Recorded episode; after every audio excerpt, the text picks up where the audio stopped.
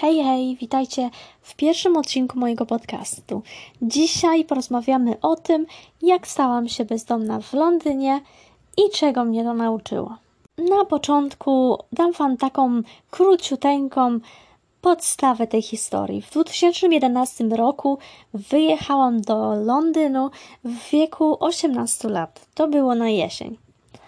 A bezdomna stałam się w lutym 2012 roku.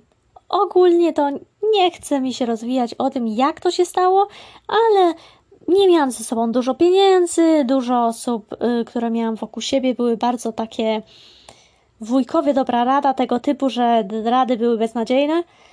I takie to tam wszystko jakoś się toczyło, a to tu wynajmowałam pokój, a to tam wynajmowałam pokój i, i każdy mi coś gadał i wszystko było takie... Bleh.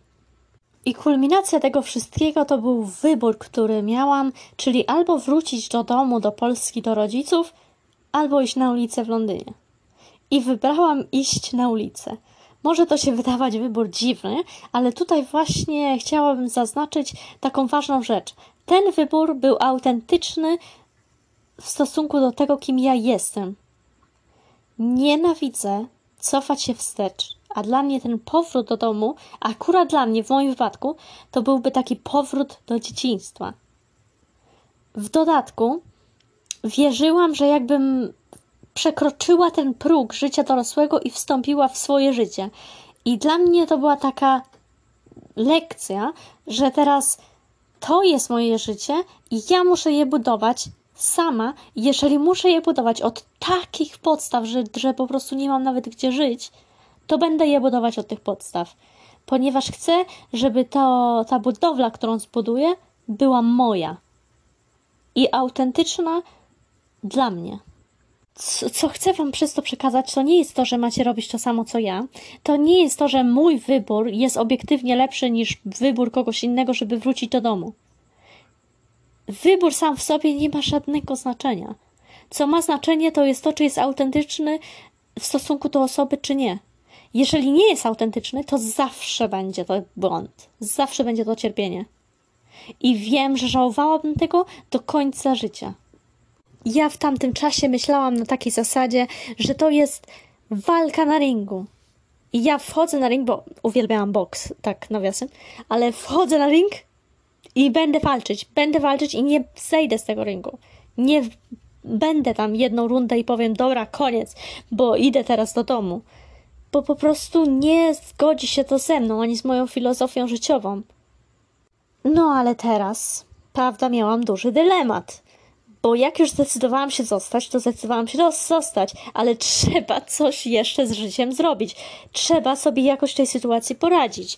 No i tutaj bardzo tak polegałam na rodzinie, co rodzina mi poradzi, a może coś mi powiedzą, a może mają jakichś znajomych, a tu mi ktoś gadał, a tam mi ktoś gadał i prawda, poprosiłam mojego tatę, żeby znalazł mi hostel w Londynie, bo miałam 100 y, funtów, to były moje ostatnie pieniądze i na tą jedną noc w hostelu miałam pieniądze. Reszty nie mogłam wydać, bo potrzebowałam je na transport. Więc ta jedna noc to ok, dam sobie ten czas, tak?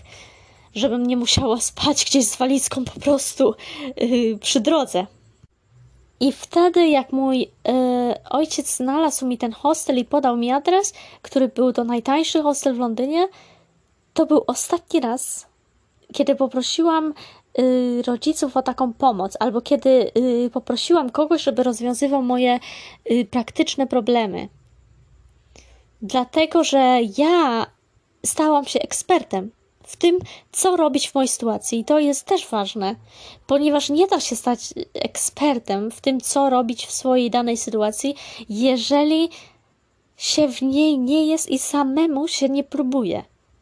A warto próbować. Chyba, że mówimy o sytuacji naprawdę śmierci, życie, to wtedy warto ocalić swoje życie. No dobra, ale już filozofuję, miałam to zostawić na koniec. No ale dobrze, kontynuujmy z historią, ponieważ y, to jest najważniejsze, tak?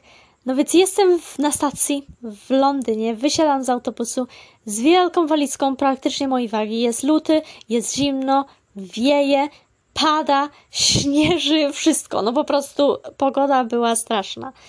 No i tak toczę się z tą walizką do tego hostelu. Zapłaciłam 11 funtów, tego się oczywiście nie zapomina tej kwoty, ponieważ był to taki ważny moment w moim życiu, że po prostu wszystkie detale pamiętam. Oczywiście, znając moje szczęście, to ten hostel był taki nie najlepszy i z walizką musiałam się toczyć przez trzy piętra, ponieważ nie było windy i nikt mi nie pomógł.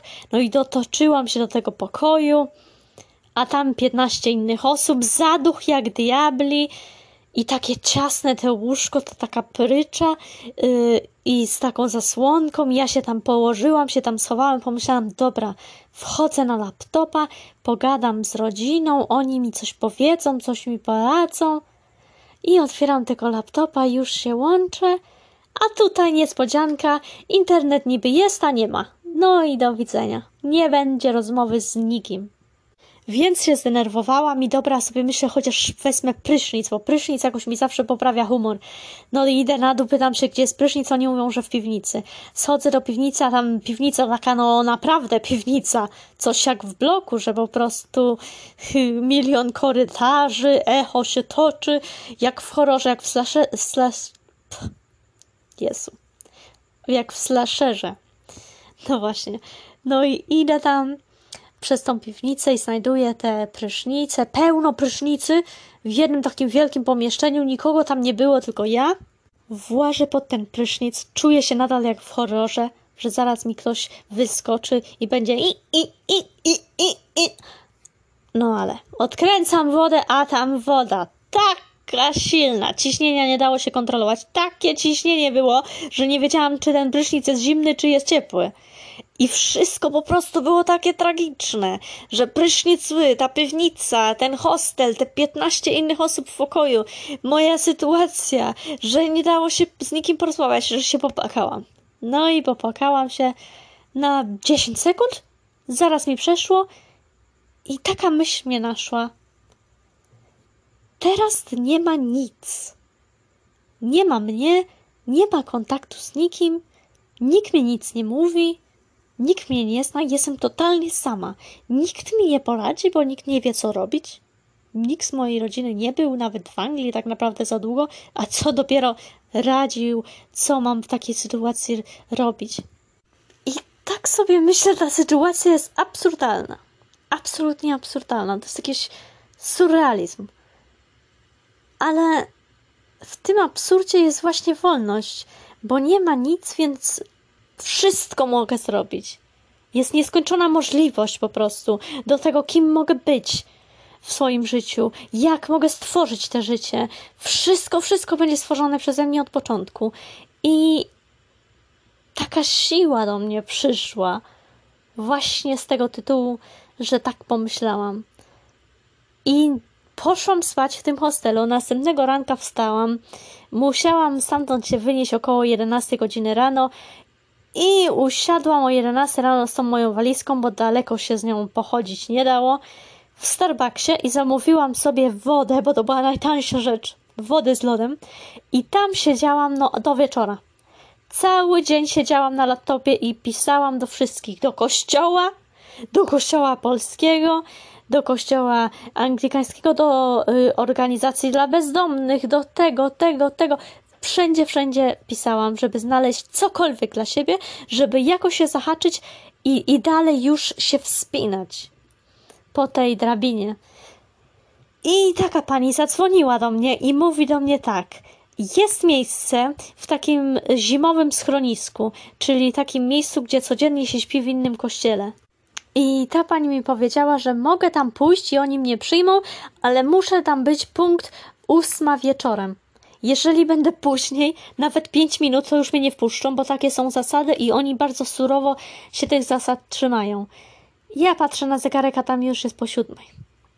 I ja dokładnie nie wiem, gdzie jestem w sumie, bo nie znam miasta, ani nie wiem, gdzie to miejsce jest, bo ona mi powiedziała, że to jest Wood Green. Nigdy nie byłam w Wood Green. I, I patrzę szybko, szybko sprawdzam, gdzie to jest mniej więcej drogę, jak to znaleźć.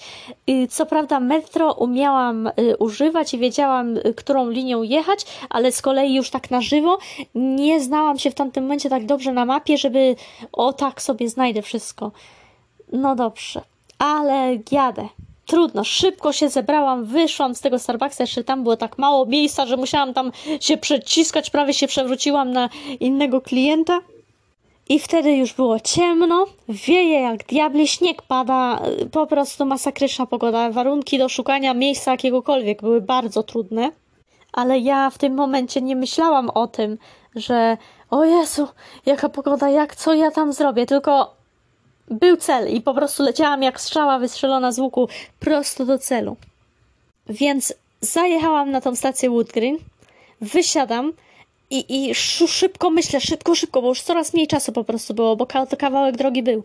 I lecę tutaj, tutaj i się pytam kogoś, gdzie jest ym, ten kościół, ten szczególny kościół, w którą stronę. I ta osoba mi tak wytłumaczyła, że tego nie pojęłam i szłam w złą stronę i zaszłam, no kawał drogi, kawał drogi naprawdę zaszłam w złą stronę i pytam się znowu i facet mi tłumaczy jeszcze raz, inny facet, który miał kwiaciarnię i on mi mówi, że to jest gdzie indziej. No i ja biegnę, po prostu biegnę z tą walizką, a wiatr huczy mi w uszach i jest ciemno jak diabli. I ja skręcam tam, gdzie on mi powiedział, to było pomiędzy yy, shopping center i biblioteką i jak tam wchodzę, to tam cisza. Cisza jak makiem zasiał. Ani żywej duszy. Nie ma nikogo. Więc żadnego pytania o drogę nie będzie. No i ja patrzę, pięć minut około mi zostało, lecę z tą walizką po prostu. Wiatr mi zmuchnął czapkę z głowy. I ja tak mówię, Jezu, co za sytuacja. I zaczęłam się śmiać no i śmieję się i dalej biegnę.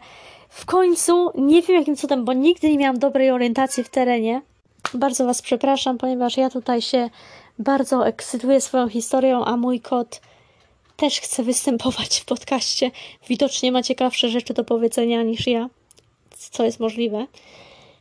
Ale przechodząc do rzeczy. Biegnę, biegnę, czapka mi spada, ja się śmieję po prostu histerycznie. Dobiegam, znajduję to miejsce i wchodzę tam w, taki, w takie podwórko. Patrzę, a tam schody i to takie schody metalowe, wąskie. Jeżeli ktoś był w Anglii, to wie o co mi chodzi, jakie są bardzo takie małe stopnie, a bardzo wysokie są te schody. To coś takiego, tylko całe metalowe i oblodzone. Bo wcześniej padało, to, to całe oblodzone. I ja mam tą walizkę tam ciągnąć. No i ja weszłam najpierw na górę, żeby oni nie mówili, że się spóźniłam, tak? Bo jak walizkę będę ciągnąć, a oni nic nie usłyszą, to później powiedzą, że nie przyszłam na czas. Więc pukam w te drzwi, oni otwierają. Dzień dobry, dzień dobry. Yy, miłe uśmiechy. No i stoją w drzwiach. Yy, dwóch facetów stoi w drzwiach, wolontariusze to byli, a ja ciągnę tą walizkę. Ledwie daję radę, oni się śmieją i patrzą. I, I kółko moje się zacięło. O właśnie, znowu się zaczyna, prawda? Przepraszam bardzo, ale po prostu ten kod jest nieznośny. Muszę na pewno, no jakąś czapkę przerobię chyba. W każdym razie nikt mi nie pomógł, sama wniosłam tą walizkę, wyglądałam po prostu masakrycznie, bo od tego wiatru, od tego śniegu włosy miałam tak rozczapyżone, makijaż jaki tam miałam, chyba tylko maskarę, to słynął mi po twarzy. I nigdy nie zapomnę jak stanęłam się w drzwiach. Patrzę na tych wszystkich bezdomnych w środku, to nie było duże pomieszczenie wcale. I mówię: Good afternoon! Taka uśmiechnięta po prostu idiotycznie, jakbym nie wiem, gdzie przyszła na obiad rodzinny. I właśnie wtedy dali jedzenie, i ja byłam tak zachwycona tym jedzeniem, że było takie smaczne. I wytłumaczyli mi zasady, że jestem tam, wchodzimy o 8 wieczorem, punkt 8 nas wpuszczają, jeżeli nas nie ma w tym momencie, to już dalej nie wpuszczają. I punkt 8 rano musimy wyjść. Czyli i wtedy iść do następnego kościoła na następną noc i taka rotacja idzie tydzień. Czyli y, w niedzielę zawsze w tym samym kościele i tak dalej, i tak dalej. No i właśnie wchodzę tam i jestem tak skonfundowana, tam masa ludzi, ledwo w sumie patrzę, kto tam jest. Nawet w tym pierwszym momencie muszę przyznać, że nie pamiętam, kto tam był, bo byłam w takim szoku. I, były śpiwory, w tym akurat były śpiwory na ziemi. Grube śpiwory było wygodnie. I, I tam się położyłam spać i były takie dwie dziewczyny. Te dziewczyny przyjechały z Afryki I one mówiły tak po angielsku tak sobie i wydaje mi się, że one były ode mnie wtedy młodsze, były nastolatkami, ale nie wiem. Tylko wiem, że one tak cały czas y, były takie bardzo pobożne i mówiły, że tylko zwierzę nie chodzi do kościoła. I namawiały mnie, żebym szła z nimi na mszę, a ja byłam niewierząca, więc ja tak, mm, może innego dnia, albo powiedziałam, że idę do polskiego kościoła. W każdym razie wstaję rano, taka zamulona, dalej w szoku w sumie i jem owsiankę. Oni dali mapę do następnego kościoła. Jem owsiankę i tam był taki facet. Ja wtedy myślałam, że on jest bardzo młody, że ma 20 parę lat, a miał 40 parę lat, ale ta, taka była moja ocena jego wieku. Y, czarnoskóry facet. I taki drugi facet, y, starszy, mi się wydawało, że to jest starszy pan, a on był młodszy od tego drugiego. Tylko po prostu tak jakoś staro wyglądał, siwe włosy miał, to był y, w poprzednim swoim życiu, że tak powiem, y, był uzależniony od heroiny, to może dlatego tak się zniszczył, tak? Ale w tym momencie już nie brał i był po odwyku. I oni dwaj siedzą ze mną przy stole, a później patrzą, że ja mam tą walizkę, a kółko odpada. I jak próbowałam ją znieść na dół, to cholera, kółko, cała ta listwa kółek odpadła. Ja nie byłam w stanie jej nieść, a już tak śnieg stał rano. Więc ten czarnoskóry facet mówi do tego drugiego, no pomożemy tej dziewczynie zanieść tą walizkę, a potem jak otworzą sklepy, bo to była niedziela, to ona sobie kupi plecak po prostu, a w tym czasie możemy jej pomóc. Tamten tak nie był chętny wcale, muszę przyznać. Wcale. No ale dobra, bo, bo chciał pokazać, że jest dobry, to tego, to powiedział, że poniesie ze mną tą walizkę. No idziemy do jedynego otwartego miejsca, czyli McDonaldu. I siadamy w tym McDonaldzie, my we troje. Ja i tych dwóch facetów. I, I ja tak rozmawiam, a co tam, skąd jesteś i tak dalej, i tak dalej. I, I siedzimy z tą walizką i ja jeszcze miałam osobną torbę na laptopa i mi się siku zachciało.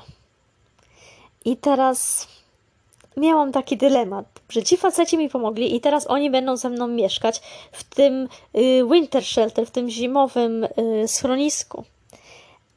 I oni w ogóle byli strasznie mili dla mnie i postawili mi herbatę, kupili mi herbatę w McDonaldzie, a mi się chce siku i ja się boję zostawić z nimi laptop, bo laptop mój miał pieniądze też ze sobą, moje ostatnie pieniądze. Ja no, miałam taki dylemat, jak to zrobić, żeby oni po prostu nie zauważyli, że ja tą dosyć dużą torbę od laptopa biorę i że ja zdecydowanie ich podejrzewam o kradzież, tak? Więc ja zdecydowałam się zostawić tą torbę i zaryzykować, ale tak szybko byłam, nigdy w życiu tak szybko nie sikałam. Nigdy. Po prostu medal. Złoty medal w sikaniu tak szybko zrobiłam siku i wróciłam. Później, zresztą parę lat później, opowiadałam temu yy, facetowi, temu czarnoskóremu facetowi i co się stało i jak ja myślałam w tym momencie i nieźle się uśmialiśmy. No ale dobrze. Oni się przedstawili, że jeden nazywa się Ibrahim, a drugi nazywa się Elon. Ten czarnoskóry to Elon, a, a ten y, starszy wedle mnie, starszy pan, y, to właśnie Ibrahim. I Ibrahim y, przedstawił się, że jest z Persji, tak chciał, żeby to było rozpoznane. No a Elon był Brytyjczykiem z y, okolic Birmingham. No i siedzieliśmy tam dosyć długo, bo o 8 rano nas wywalili, a dopiero po 11 otworzyli sklepy, że mogłam kupić sobie yy, prawda, plecak. I to była moja głupota. I nikomu, kto jest bezdomny, tego nie polecam, że kupiłam plecak górski zamiast walizki, bo nie byłam w stanie nich diabła i cholery tego plecaka nieść z tymi wszystkimi rzeczami. Na szczęście udało mi się dać te rzeczy koleżance. Koleżance takiej bardzo odległej, ale ona się zgodziła, y, żeby te rzeczy mi przetrzymać. Ja tam nie powiedziałam jej o mojej sytuacji tak dokładnie, ale y, bo nie byliśmy tak blisko, żeby ona mogła mi pomóc czy coś takiego, ale dałam jej te rzeczy, tak? Zresztą później będzie z tymi rzeczami śmieszna historia. No ale od tego czasu zaczęłam się trzymać z Ilonem i zaczęliśmy zawsze grać w kółko i krzyżyk yy, i zawsze spędzać czas razem właśnie w tych wszystkich innych kościołach. Zresztą gdyby nie Ilon, to wywaliliby mnie z tego kościoła, ponieważ na drugi dzień y, ja totalnie nie mogłam ogarnąć, gdzie był ten kościół. I jedyne co, to udało mi się go znaleźć, bo szłam tak bardzo zagubiona i to dosyć w odległym miejscu od tego kościoła, totalnie zagubiona szłam i zobaczyłam właśnie Ilona, bo on miał taką rażącą, żółtą kurtkę i to był taki wysoki facet i ja patrzę, kurde, tak, on mi pomoże. I od tego czasu zaczęła się nasza przyjaźń, bo przyjaźniliśmy się y, przez lata i później też mieszkaliśmy razem, dzieliliśmy mieszkanie, więc y, na pewno y, był to początek interesującej i pięknej przyjaźni. Y, w każdym bądź razie na początku było bardzo ciężko. Y, Bardzo ciężko, ponieważ trzeba się było przyzwyczaić do tego rytmu. Do tego rytmu, gdzie trzeba było chodzić z kościoła do kościoła codziennie. Jak już obleciałam jeden tydzień, to było mi łatwiej, ale na pewno było to coś nowego. I tutaj moje rozkminy już wprowadziłam wcześniej. Z takich całkiem postaci nie za miłych, i to mowa tutaj o wolontariuszach, nie o bezdomnych, do takich y, osób całkiem z innej planety, jak taka pani, starsza pani z Chin, która była uparta, że musi, musi wysuszyć moje włosy do suchości ręcznikiem, co było dość przyjemne, ale moje włosy wyglądały po prostu tragicznie, tragicznie. No ale dobrze. Ten odcinek to taki dopiero wstęp, więc taki trochę jest chaotyczny może, ale nie chciałam go robić ze scenariuszem, dlatego że to y, zepsułoby mój kontakt z wami, gdybym tak po prostu czytała scenariusz. Więc chcę nawiązać taką lepszą relację. Taką relację bardziej autentyczną. I właśnie tutaj chciałabym, żebyście z tego odcinka y, wzięli taki pomysł o tym, że jeżeli weźmiecie stery swojego życia i nie będziecie podążać wedle tego, co znacie, do co spo- tego, co społeczeństwo wam mówi, tylko wedle siebie, naprawdę wedle siebie, to wtedy wy macie ten przywilej tworzenia własnej rzeczywistości. Ponieważ wy wyznaczacie i torujecie tą drogę. I nie ma potrzeby, żeby ktoś wam mówił, jak to robić, ponieważ oni nie wiedzą.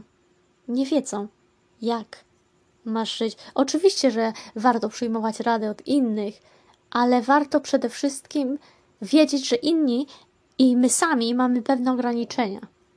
W tym, jak oceniamy sytuację, w tym, co wiemy, w tym, na czym się znamy, a na czym nie, co doświadczyliśmy, a czego nie doświadczyliśmy. I tak na przykład wzięłam rady od tych innych bezdomnych, którzy byli tam tydzień dłużej albo dwa tygodnie dłużej i byli z Anglii, więc znali sytuację lepiej ale już nie było sensu słuchać osób, na przykład mojej rodziny w Polsce, kiedy oni po prostu nie wiedzieli, jak sobie radzić z taką sytuacją.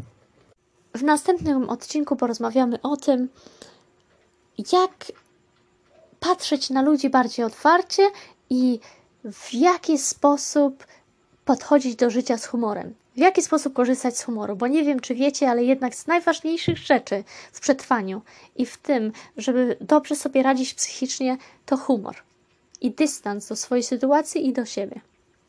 Także trzymajcie się ciepło. Nie wiem, czy ten epizod jest za długi, czy jest za krótki. Wydaje mi się, że raczej za długi niż za krótki. Kto chciałby słuchać dłużej tego, może właśnie to mi kot mówił, tak, żebym wyłączyła. No ale dobrze. Pozdrawiam Was bardzo ciepło, trzymajcie się i pamiętajcie, że najważniejsze jest, żebyście Wy wierzyli w to, co robicie. Nie, żeby inni wierzyli.